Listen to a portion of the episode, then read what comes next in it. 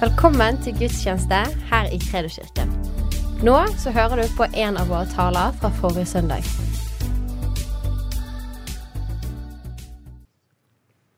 Største, det som har mest sprengkraft i denne verden her, det er når Guds ord og Guds ånd får bo i et menneske som tror. I hjertet til et menneske som tror. For Da sier Bibelen at alt er mulig. Ingenting er umulig for Gud og for den som tror. Og jeg har lyst til at vi skal bare fortsette å tygge litt på denne, det som vi har lært, og det som vi fikk av input i eh, sist helg. Fordi at det var så massivt, det var så dyrebart. Det var, så, det var som eh, eh, Jeg vet ikke. Jeg opplevde det var regn fra himmelen, rett og slett. Gjennom undervisningen og forkynnelsen så merker jeg at det bare oppliver meg, det oppmuntrer meg, det styrker meg. og det har jeg hørt av mange. Det var jo for så vidt ikke så veldig nytt, men allikevel var det nytt. Det var friskt, det var åpenbaring.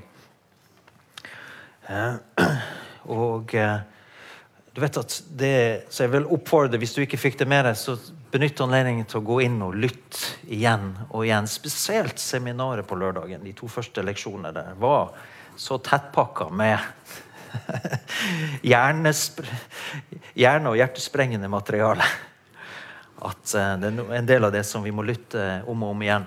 Og, og dette er på en måte det, det kan ikke motsies. Dette er en mann, 36 år, som vi har blitt kjent med, som vi har fått en relasjon med etter hvert. Og de satte sånn pris på å være her. Men han, han har altså vokst opp som hindu.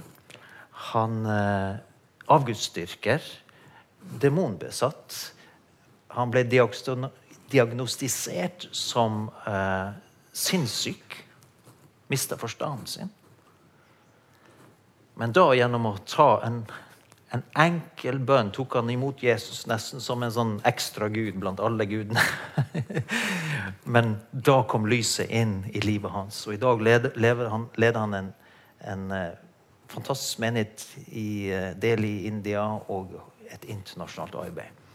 Alt dette har kommet ved at Guds ord har kommet på innsiden av han, og at Den hellige ånd har virka på han. Og så har det blitt til vekst. Ikke bare for han, men for hele det folket som har tatt imot disse ordene eh, som, som Gud har gitt dem. Eh, Bokstavelig talt tusenvis av helbredelser. Mange som var utgangspunktet kjempefattige, som i dag Gud har reist opp, som driver gode forretninger. Og nå bygger de et bygg i India, cash, til 15 millioner kroner. Uten, og de nekter å ta imot støtte utenfra. De sier at alt som, som vi skal bruke, det skal komme fra India. Så jeg tenker vi har noe å lære, folkens. Vi er blitt for vant til at staten ordner opp. Vi må sette vår lit til Gud i alle ting, også når det gjelder vår økonomi. Er du enig i det? Amen. Vi har noe å lære. Så er vi takknemlige for velferdsstaten, men når velferdsstaten blir Gud, da Da har vi problemer. La ditt rike komme, lærte Jesus å be. La din vilje skje på jorden slik som i himmelen. Og det er et faktum at Gud, når han skapte Adam og Eva, så satte han dem til å råde over skapelsen. Han ga dem autoritet til å dyrke og plante hagen. Han ga dem makt og autoritet over alt på jorden. Dyreliv, absolutt alt. Og jeg er sikker på at han, selv om ikke det står spesifikt, så ga han ham også autoritet over den usynlige verden. Men når syndefallet kom, så ga mennesket fra seg den autoriteten som de var gitt av Gud. Og du ser at fienden, Satan, kommer på banen. Mennesket kommer inn under synd, og situasjonen endrer seg. Men det var det Jesus, blant annet, når Jesus kom og levde det fullkomne livet som menneske, så ser vi gjennom Jesus sitt liv og måten han opererte på, så ser vi den autoritet som Gud opprinnelig hadde gitt til mennesket i lydighet til Gud. Det var alle som kom til Jesus, ble helbreda. Det var intet unntak. Alle som kom og var plaget av onde ånder, de ble utfridd. Og var det for lite mat, så multipliserte det seg. Og var det storm og uvær, og disiplene var redd, ja, så ved et ord så stoppa han stormen, og bølgene la seg. Tenk på det. Hvilken autoritet Jesus opererte i. Og så sa Jesus, når han dro tilbake til sin far, så sa han til disiplene meg gikk all makt i himmel og på jord. All makt i himmel og på jord. Gå derfor ut. Gå derfor dere ut. Og gjør disipler av alle folkeslag. Rett og slett fordi han har all makt, så har han gitt, delegert den autoriteten til mennesket som tror på Gud. Til meg og deg. Det er ganske grensesprengende. Hvorfor ber vi 'skje din vilje på jorden sånn som i himmelen'? Jo, det er jo fordi at vi, for at Guds rike skal bli synlig her på jorden. Ellers hadde han ikke lært oss om å be på den måten. At Guds vilje skal skje iblant oss. Og Da tenker jeg at vi må følge instruksjonsboka, lære oss eh, å følge ordet, studere Jesus og studere de disiplene som levde sammen med Jesus. Hvordan opererte de? Hvordan tenkte de? Hvordan handla de? Hva sa de? Hva gjorde de? Hvordan møtte de problemer? Hvordan møtte de vanskeligheter? Hvordan levde de sammen? Amen. Alt dette er et uttrykk for hvem Gud er, og Guds vilje.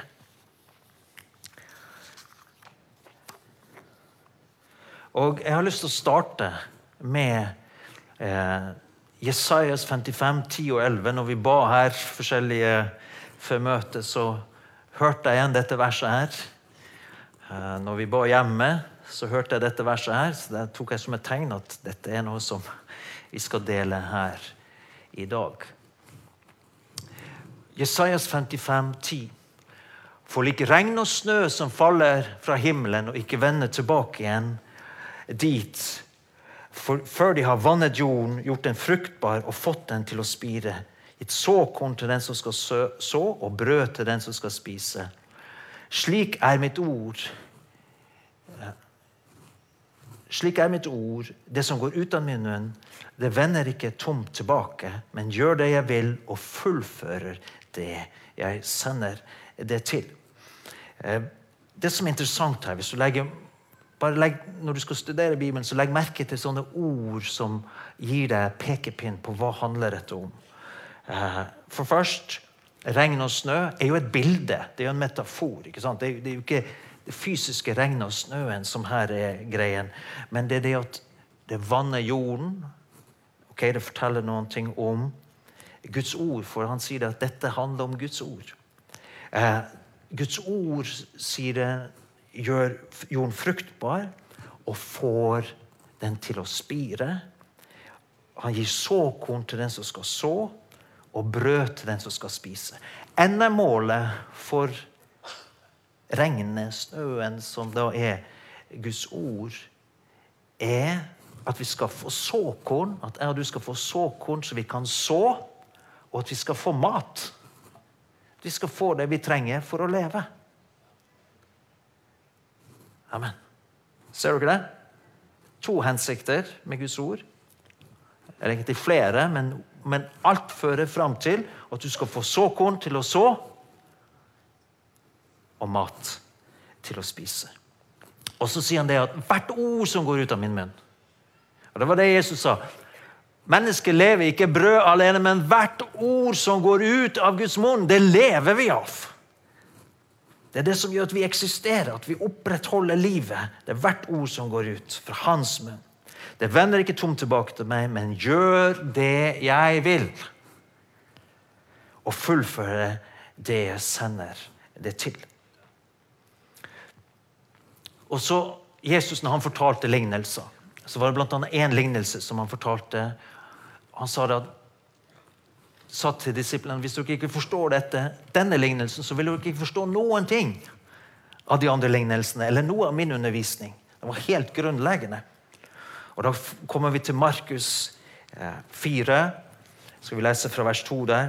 Han underviste dem om mange ting og la fram dem sin lære i lignelse. Ok? Legg merke til her. En lignelse er jo en, en spesiell måte å forklare virkeligheten på eh, gjennom en, en, fortelling. Men han sier at jeg, jeg, lær, jeg viser dere min lære, altså min doktrine, gjennom denne fortellingen. Hør, sa han. En såmann gikk ut for å så, og da han sådde, falt noe ved veien, og fuglene kom og tok det. Noe falt på steigrunn, hvor det var lite jord, og det skjøt straks i været fordi jordlaget var tynt. Men da solen steg, ble det svidd og visnet fordi det ikke hadde fått slå rot. Noe falt blant tornebusker, og tornebuskene vokste opp og kvalte det, så det ikke bar frukt. Men noe falt i god jord og Det er det som eh, skal være vårt fokus her i dag. God jord. Det skjøt opp, vokste og bar frukt. 30, 60, ja 100 ganger. Eh, 100 ganger det som ble sådd. Og han sa, 'Den som har ører å høre med, hør'. Og det er mange ganger som eh, liksom eh, brøts litt med denne fortellingen fordi at jeg lurte på hva er det som gjør at noen mennesker tar imot ordet i god jord, mens andre tilsynelatende virker det som det bare tynt jordsmonn, så varer det bare en stund, og så, og så dør det. Men det vi skjønner, i hvert fall, når Jesus sier 'den som har ører, han hører', så forstår vi det i hvert fall at jordsmonnet har med hvordan vi hører på hvordan jeg og du hører, hva vi hører, og hva vi gjør med hva vi hører. Det er med å bestemme hvilket jordsmonn jeg og du og våre hjerter er for. Når Jesus forklarer denne lignelsen, så sier han at jordsmonnet er hjertet, og såkornet er ordet. Så man går ut og sår ordet. Så det er ulike resultat av dette her.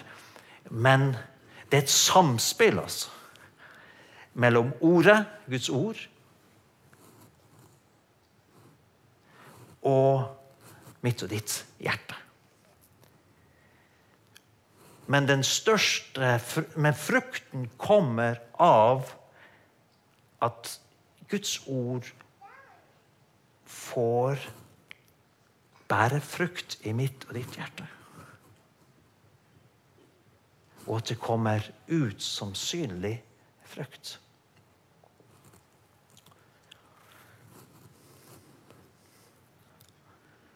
Trettifold, sekstifold og 100-fold, sier han. Men så er det en annen ingrediens som Bibelen også snakker om. For at mitt og ditt hjerte skal bære frukt. Den frukt som Gud har tiltenkt. Så nå skal vi gå inn i botanikken etter hvert her. Men eh, Jakob 5,7 så står det Vær da tålmodige, søsken.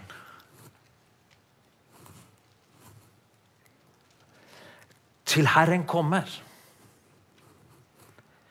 En bonde må vente på den dyrebare grøden fra jorden, være tålmodig til både høstregnet og vårregnet har falt. I Israel så er de kjent med dette her. Og dette, Gud sa jo at, at han hadde sine øyne var spesielt på dette landet Israel. fordi at du vet I Syria og Egypt så var det jo da, du har jo da Nilen og du har Tigris og Eufrat. og så ble det da, og De dyrker jorden ved at de erigerte den, fikk vann ut på åkrene, og så kunne de dyrke. Mens Israel det var fjell, det var daler. Det var avhengig av regn og dugg for at den skulle være dyrkbar. Så de var helt avhengig av at regnet kom til rette tid. Og da er da høstregnet er det som faller sånn eh, mot slutten av oktober. Og Da har vi vært gjennom en lang sommer. Jorda er knusktørr. Det har vært tørt helt siden april-mai. Og denne, dette regnet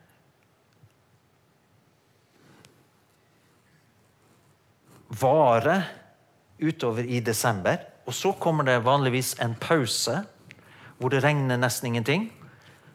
Denne pausen er i deler av desember, januar, og så begynner det igjen å regne. Og så varer det da ut i april, ofte rundt påsketider. Og disse to regnene har to forskjellige funksjoner.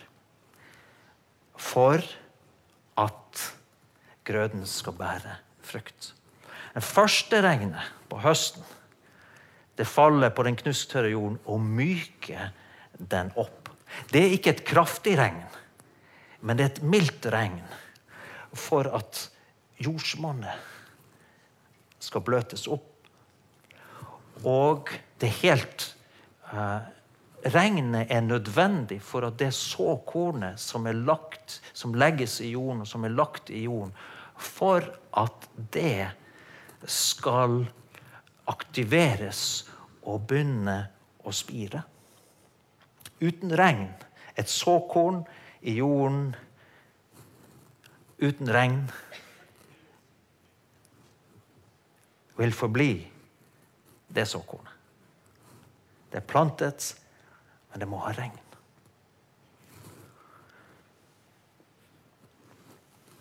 Og så, når vi kommer til seinregnet, så er det viktig for at kornet, hvis vi tar det som et eksempel, skal modnes og gjøres klart til innhøstning. Så hva er dette regnet som Bibelen snakker om? I hvert fall så vet vi det at Bibelen uttrykker det at fra ditt indre skal det velle strømmer av levende vann. Så vi skjønner at mange steder i Bibelen så snakker Bibelen om vann i forståelsen av Den hellige ånd. Det snakker om vann som Guds ord, forkynt. Men det snakker også om Den hellige ånd. Levende vann.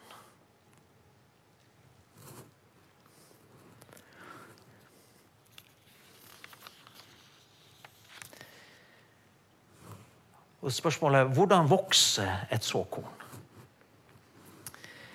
Eh, det er jo helt, Når du begynner å studere det her, det er jo helt fenomenalt hvordan det er laga. Helt naturen, altså. Det er så eh, Vi kan ikke gå inn i alt dette her. Men når du har et, et, et såkorn, ikke sant så Når et såkorn er befrukta, så har det livskraft i seg. Og rundt det så er det da næring som er på en måte lagra inni såkornet, og så har du det, det ytre skallet. Og da er det sånn at dette såkornet, avhengig av hvilken type såkorn det er, eh, det på en måte tørker.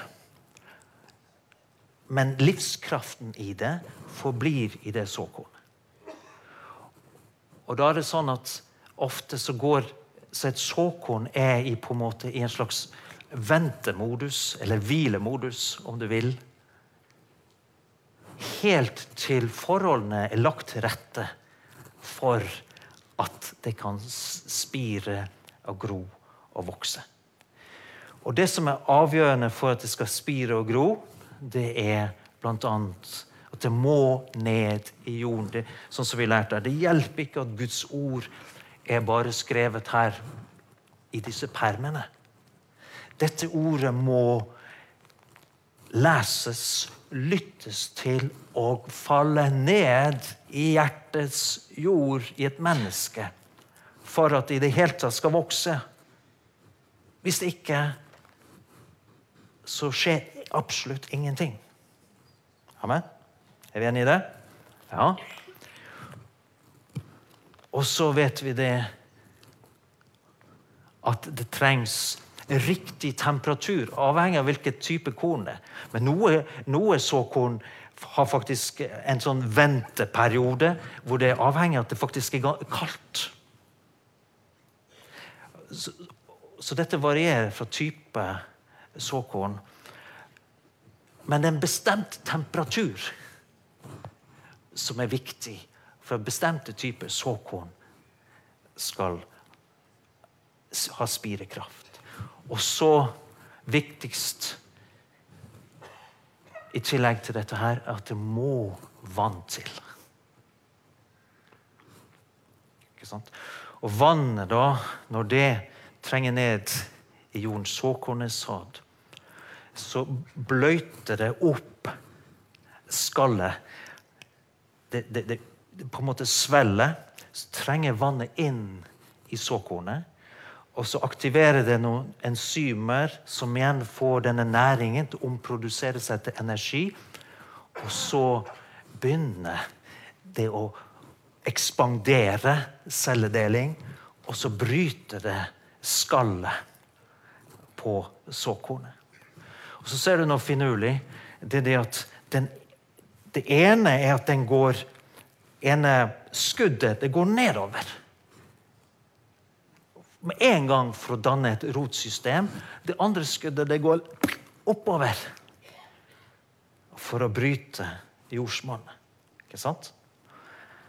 Og så disse, Begge disse vokser i hver sin retning. Og når det da bryter jordskorpen, og det formes eh, grønne blader, så overtar da fotosyntesen og gir næring til at planten kan vokse og bli det som Gud hadde bestemt.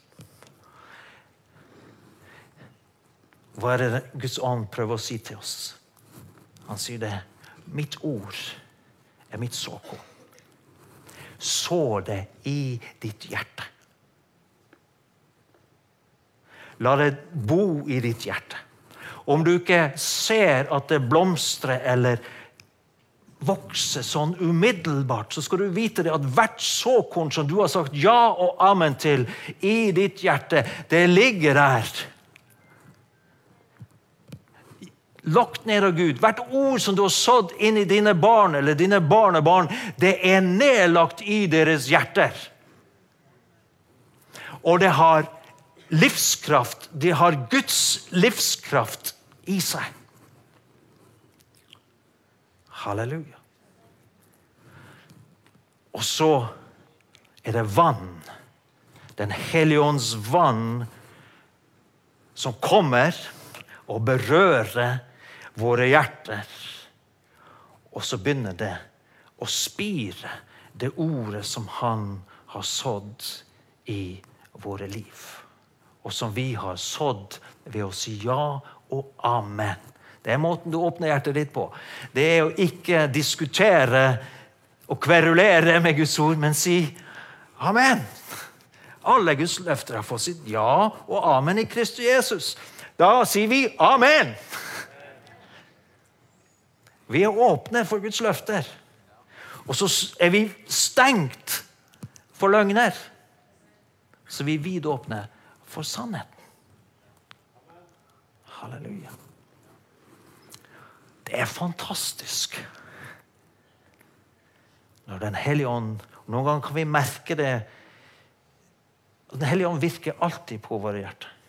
Om du tilber Han, om du sitter og lukker øynene hjemme, og du bare er stille og på en måte drikker av Da vanner du jorden. Du vann, øh, For å bruke det bildet såkornet, Guds ord som er sådd i ditt hjerte, vannes. Og det begynner å spire og gro. Derfor er det også når vi tilber Gud, at vi åpner våre hjerter og tilber Han og lar Han få virke på våre hjerter. Amen. Sånn at ikke ordet blir sådd på steingrunn. Så når røt, røttene går ned, så er, det, så er ikke jorda myk. Den er hard. Den er grønn. Og så tåler ikke Tåler vi ikke livets motgang eller vanskeligheter eller prøvelser eller bekymringer eller tornekratt som prøver å kvele ordet. Ikke sant? Men når mitt og ditt hjerte blir mykt og væta av Gud, og røttene får vokse, og skuddene får bryte gjennom mørket og komme ut gjennom vår munn og Det var det han Anket også lærte oss. Du må bekjenne Guds ord høyt for deg sjøl. Du må forkynne Guds ord for deg sjøl. Den som har størst påvirkning på meg og deg, det er faktisk det vi sjøl sier. Ja. Derfor så sa han det at ta det levende ordet, disse såkornene som Gud har gitt oss, og så fyller du munnen med det. Så du hører dem. For den som har øre, han hører. Snakker du til deg sjøl? Taler Guds ord? Du taler ikke ut dine egne meninger og synspunkter om ting å ta. Nei, du tar Guds ord. For det, der, det er det såkornet som har livskraft i seg. De andre såkornene blir ugress. Menneskets meninger, ideologier som strider imot Gud, det blir ugress i mitt og ditt sinn og i våre hjerter. Men dette levende ordet det blir ekte vare. Det blir det det er sådd til å være. Det Hver etter sin sort, sin art, vokser det opp. Og jeg, jeg tenker det at det fins en bekjennelse av Guds ord som handler om tiltro. Altså forkynn, Troen kommer av forkynnelsen, og forkynnelsen kommer av Guds ord, sier Romerbrevet 10. Okay? Så når du forkynner til deg sjøl, så forkynner du Guds ord til deg sjøl. Og det skaper tro i ditt hjerte hvis vi bruker dette ordet her. Men det fins en bekjennelse til tro. Vi skal være så ærlige når vi, når vi I mange ganger tviler vi, eller vi brytes med ting. Vi er ikke helt sikre.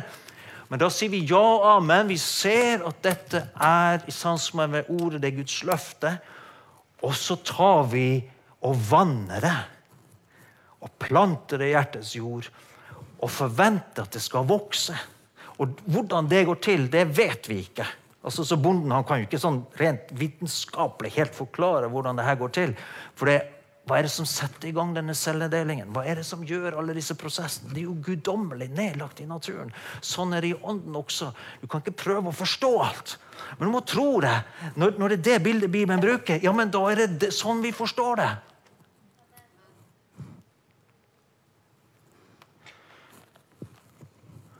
Så en bekjennelse til tro.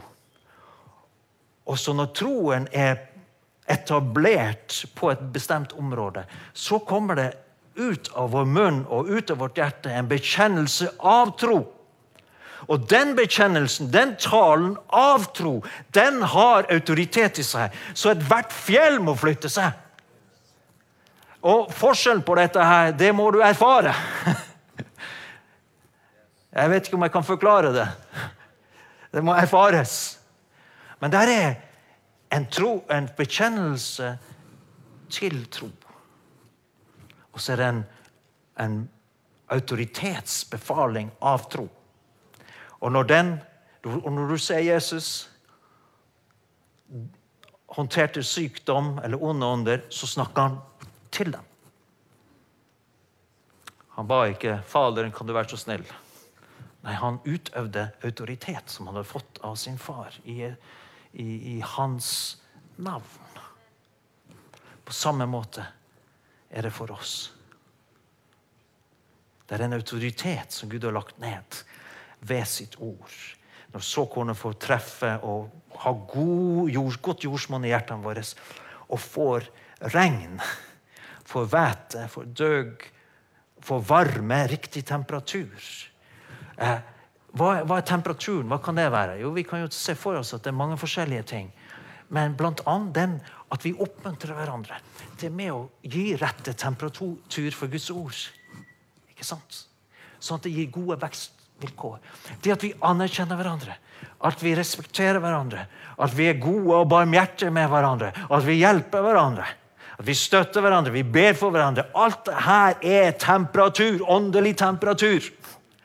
Ekte kjærlighet. Wow, det får såkornet til å vokse megafort. til det blir fullmo fullmoden frukt i mitt og ditt liv.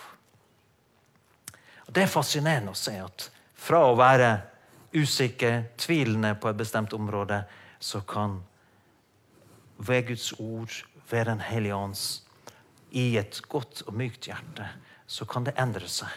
Og så blir troen denne fullstendige overbevisning som bare gjør at du vet at du vet at du vet at det du har bedt om, det får du. Før du har fått det, så vet du det.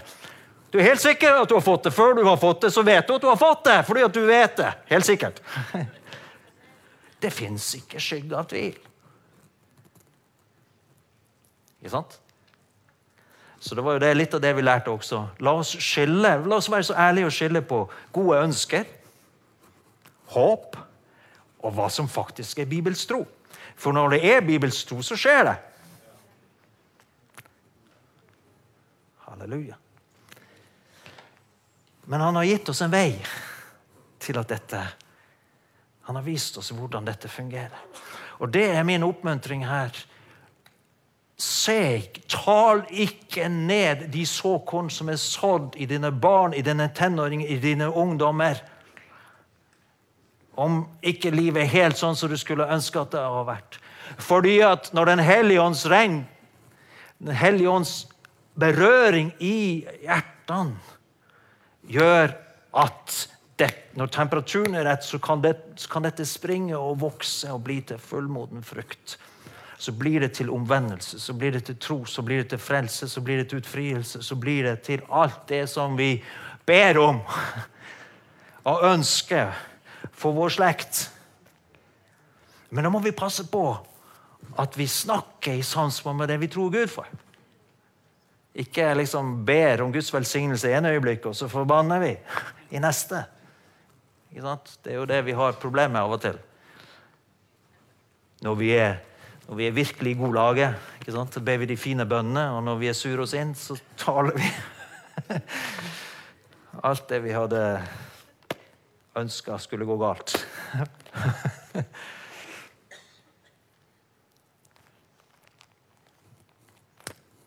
Ser dere bildet?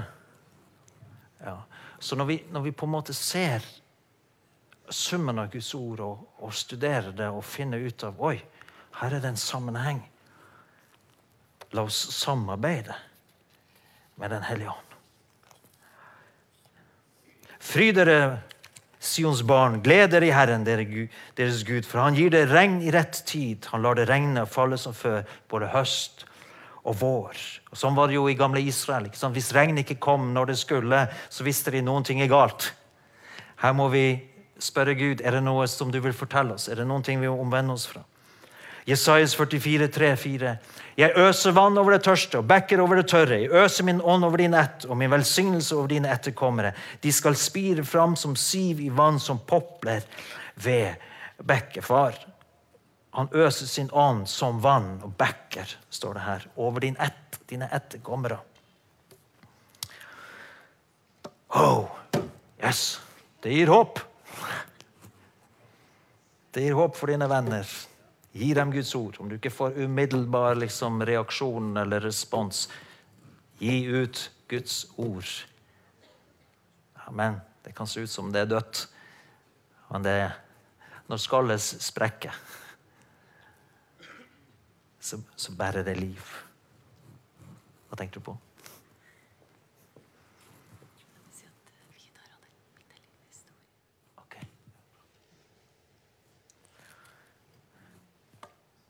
Skal vi avslutte med denne høsten, hvis du har vært våken Jeg er helt sikker på at du har sikkert personlige erfaringer. At kanskje Den hellige ånd har minnet deg på bestemte bibelvers eller spesielle setninger eller ord som har gitt mening for deg. Eh, men det er to ord som jeg løfter frem, som jeg, som jeg er helt sikker på at Gud har gitt oss kollektivt som menighet. Og Disse ordene kan du også ta veldig pers høyst personlig. Ta inn i ditt bønneliv som friske ord fra Gud. Skal vi første vi skal se på, er da Hosea 10,12. Er det noen som husker når tid dette ordet ble gitt til oss? Skal vi se. Yes. Der står det, ja. Det var jo enkelt. Bare les teksten.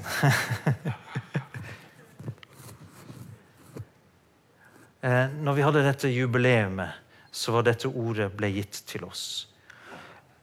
Eh, dette kan du hente, det som passer inn i ditt liv, det som du trenger. Det kan være ulikt for hver enkelt av oss. Så med rettferd, høst med kjærlighet, brytere nybrott eller brytere nytt land. For nå er det tid for å søke Herren inntil Han kommer. La rettferd regne over dere. Hva, hva gir mening for deg? Noen kanskje Yes, det er tid for å søke Herren. Noen andre tenker Yes, det er tid for å bryte nytt land. Halleluja. Og noen sier å, det er tid for rettferdighet. Men alt det her kan du suge ut av disse versene, for det er levende, livskraftige ord. Det annet som kom, kom denne helgen her, Isaias 52, sist helg 52, eh, 2 og 3. La større plass i teltet ditt. Spenn telt, teltpluggene ut, spar ikke på dem. Gjør snorene lange, slå pluggene fast. For til høyre og til venstre skal du bre deg ut. Din ett skal inn til folkeslag og bo i byer som lå øde. Jeg vet ikke hva som taler til deg i et sånt vers som det her. Det kan jo være veldig forskjellig. Men ta dette inn i ditt bønneliv. Dette er gitt til deg. Hvor trenger du kanskje større plass? Er det økonomi? Ja. Eh, jeg har begynt å be ut sånn her For til høyre og til venstre skal du bre deg ut. Din ett skal drive ut eller skal innta folkeslaget. Da tenker jeg på evangeliet ut til folkeslagene min ett. altså. Gud skal sende ut masse folk med evangeliet til alle folkeslag. Og vi skal få være med og se stadig nye tjenester reist opp blant masse unådde folkegrupper og områder, byer og landsbyer hvor de ennå ikke har hørt. Jeg tar det helt personlig for oss inn i hjertet og begynner å bekjenne det og tale det ut og forvente. Du kan gjøre dette for din bedrift, du kan gjøre dette for din familie, du kan gjøre det for dine studier, du kan gjøre det for din jobb. Hva det nå enn er som pulserer, og som er viktig for deg akkurat nå. Det er sånn vi bruker Guds ord. Få, putte det inn i hjertet. Mediter på det, tenk på det, tal det, be det. Halleluja. Ha en sånn livskraft i seg. Vidar, du hadde en, en opplevelse. Skal vi se. Ta med deg mikrofonen når du kommer. altså.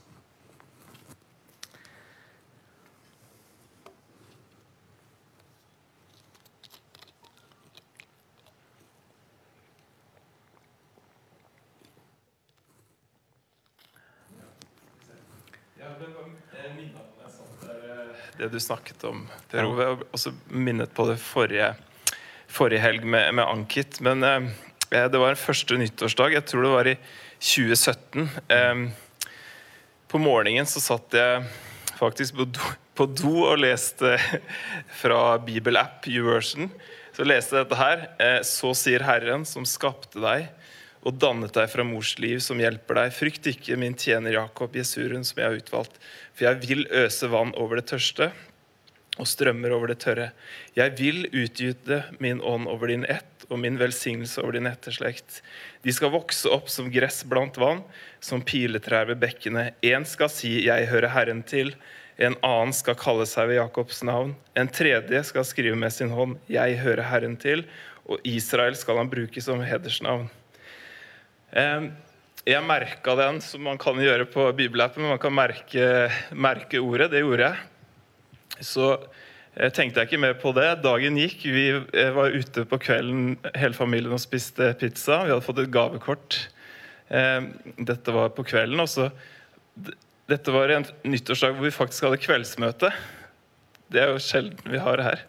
Eh, men akkurat den, kveld, akkurat den dagen hadde vi det. Og vi hadde ikke planlagt å gå på det møtet. Og Jeg satt hjemme. Silje var nede for å legge Viktor.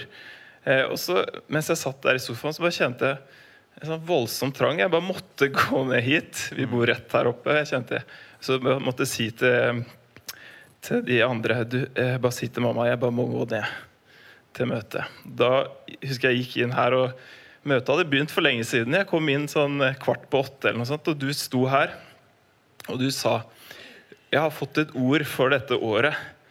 Jeg tror dette er et ord som gjelder mange. Eh, eh, og så leste du akkurat det ordet som jeg hadde lest på morgenen. Eh, og så sa du også noe som bare bekrefta. Og nå tror jeg noen av dere kjenner på en sånn byrde for dette. Om at Gud skal utøse av sin ånd over din familie, over din ett. Og rett før du sa det, så kjente jeg det. Så det skapte tro, og det var en bekreftelse på det samme jeg hadde lest.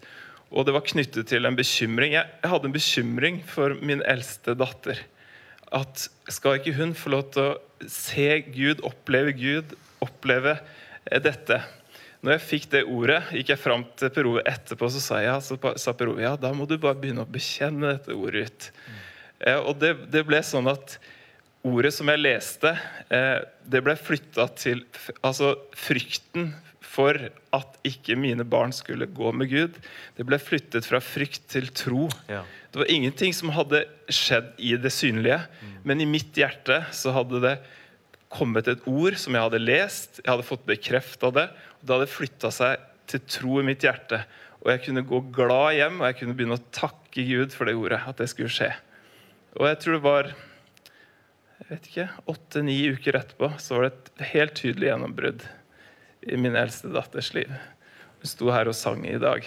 Eh, og det er bare en sånn helt konkret på dette her. At vår jobb er å lese ordet. Og så vil han skape tro i våre hjerter. Og når troen er skapt i våre hjerter, da kan vi begynne å bekjenne det med glede. Og så kommer det til å skje. Yes. Amen. Amen. Fantastisk. Ja. Så bra.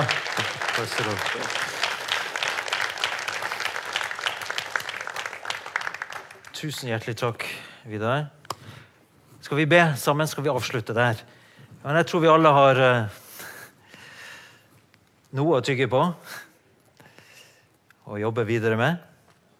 Så vi fortsetter. Dette er ikke liksom en engangsmøte. og så eh, Ta med disse ordene med deg hjem når du har tid med Herren morgen, kveld eller når det måtte passe, så tenk på det, mediter på disse ordene og, og spør Den hellige ånd hva, hva kan jeg ta ut av dette. Hva trenger jeg å, å benytte meg av? Hva er det som, eh, som virkelig kan gjøre en forskjell i vår situasjon akkurat nå?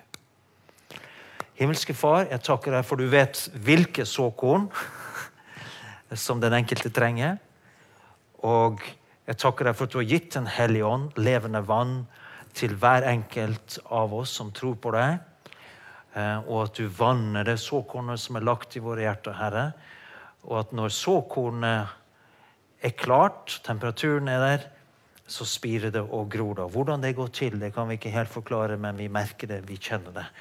Og Far, Derfor så stoler vi på deg, for du har sagt vi skal tro på deg. Vi skal holde fast ved deg. Vi skal holde fast ved din trofasthet. Vi skal ikke vike av verken til høyre eller til venstre. Vi skal ikke skal, hvis knærne vakler, så skal vi styrke dem, Herre. Du har sagt, Fader, vi skal styrke de vaklende knær.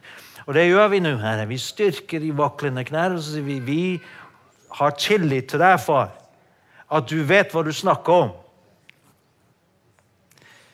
Far, jeg tror at du vet hva du snakker om. Jeg tror at du vet det, for du har til og med du har sånn stor visdom at du til og med skapte oss på underfullt vis, Herre. Både fysisk, psykisk og ånd. Du ga oss et hjerte, et fruktbar jord, Herre. For at vi skulle være medarbeidere med deg, Herre. Vi skulle være din åkerjord, Herre. Og vi skulle bære frukt for ditt rike, for, til ære for ditt navn, Herre. Så takk, Herre, for hver enkelt av oss og alle de som hører på. Da får vi bekjenne det at vi er god jord, Herre. Og Skulle det være noe ugress, skulle det være noe bekymring, eller skulle det være lyst, be, rikdommens bedrag, eller skulle det være lysten på alle andre ting som prøver å kvele ordet, så plukker vi det ut. Får det ut av livet Jesu Kristi navn. Sånn at vi kan bære rik, så såkornet kan bære rik frukt, Herre, i våre liv. Jeg taler, Fader, Velsignelse over å være en familie. Velsignelse over å være en forelder, mor og far. Velsignelse over bestemor og bestefar. Velsignelse, Herre, over barna, Herre. Velsignelse over å være en tenåring. Velsignelse over å være en ungdom, Fader. Velsignelse over å være en ung voksen, Herre. I Jesu Kristi. Du vet hvordan du skal kommunisere med hver enkelt, sånn at de skjønner det og handler på ditt ord. Jeg takker deg, Herre, for det. Jeg takker deg for det. Og det mest fantastiske såkornet, det var Jesus Kristus. Han ble sådd inn i Marias mors liv fra himmelen. Tenk det. Tenk hva som kom ut av det såkornet der. Et frø. Hellig ånd kom over henne, befrukta egget, vokste i mors liv. Han ble født. Det er jo det vi skal feire nå til jul. Og så ble det en, en gutt. Og så ble det en mann. Og så ble det vår frelser. Han var jo det hele tiden, men det var Han utførte det når han ble en voksen mann. Og så døde han for våre synder. Så gikk han ned i graven for at jeg og du aldri skulle gå fortapt. Så sto han opp igjen fra de døde den tredje dagen for at vi skulle få evig liv. Wow! Og Tenk på alle de hundrevis av millioner som i dag er i himmelen, og som skal til himmelen av det ene såkornet. Det er ganske, er ganske bra såkorn. Og mye frukt kommer ut av ditt liv og mitt liv. Halleluja.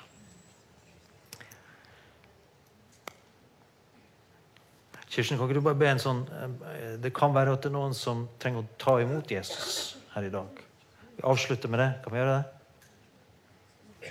Be en frelsesbønn sammen. Det kan være at det er noen som følger med på skjermen, og jeg vil utfordre deg ta imot dette. Denne frelseren Jesus Kristus, han er den som kan forvandle evigheten din. Ikke bare livet her, men evigheten din. Ok, Vi kan be en felles frelsesbønn. Så hvis alle ber etter meg, og du som ikke har tatt imot Jesus og gjort ham til din frelser og herre, kan gjøre det nå. Så enkelt. Takk, Jesus, for at du døde for mine synder. Jeg tror på deg, Jesus. Jeg vil følge deg. Og jeg vil at du skal være herre i mitt liv. I Jesu navn. Amen.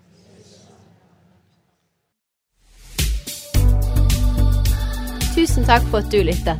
Følg oss gjerne på Instagram og Facebook, og så snakkes vi neste uke.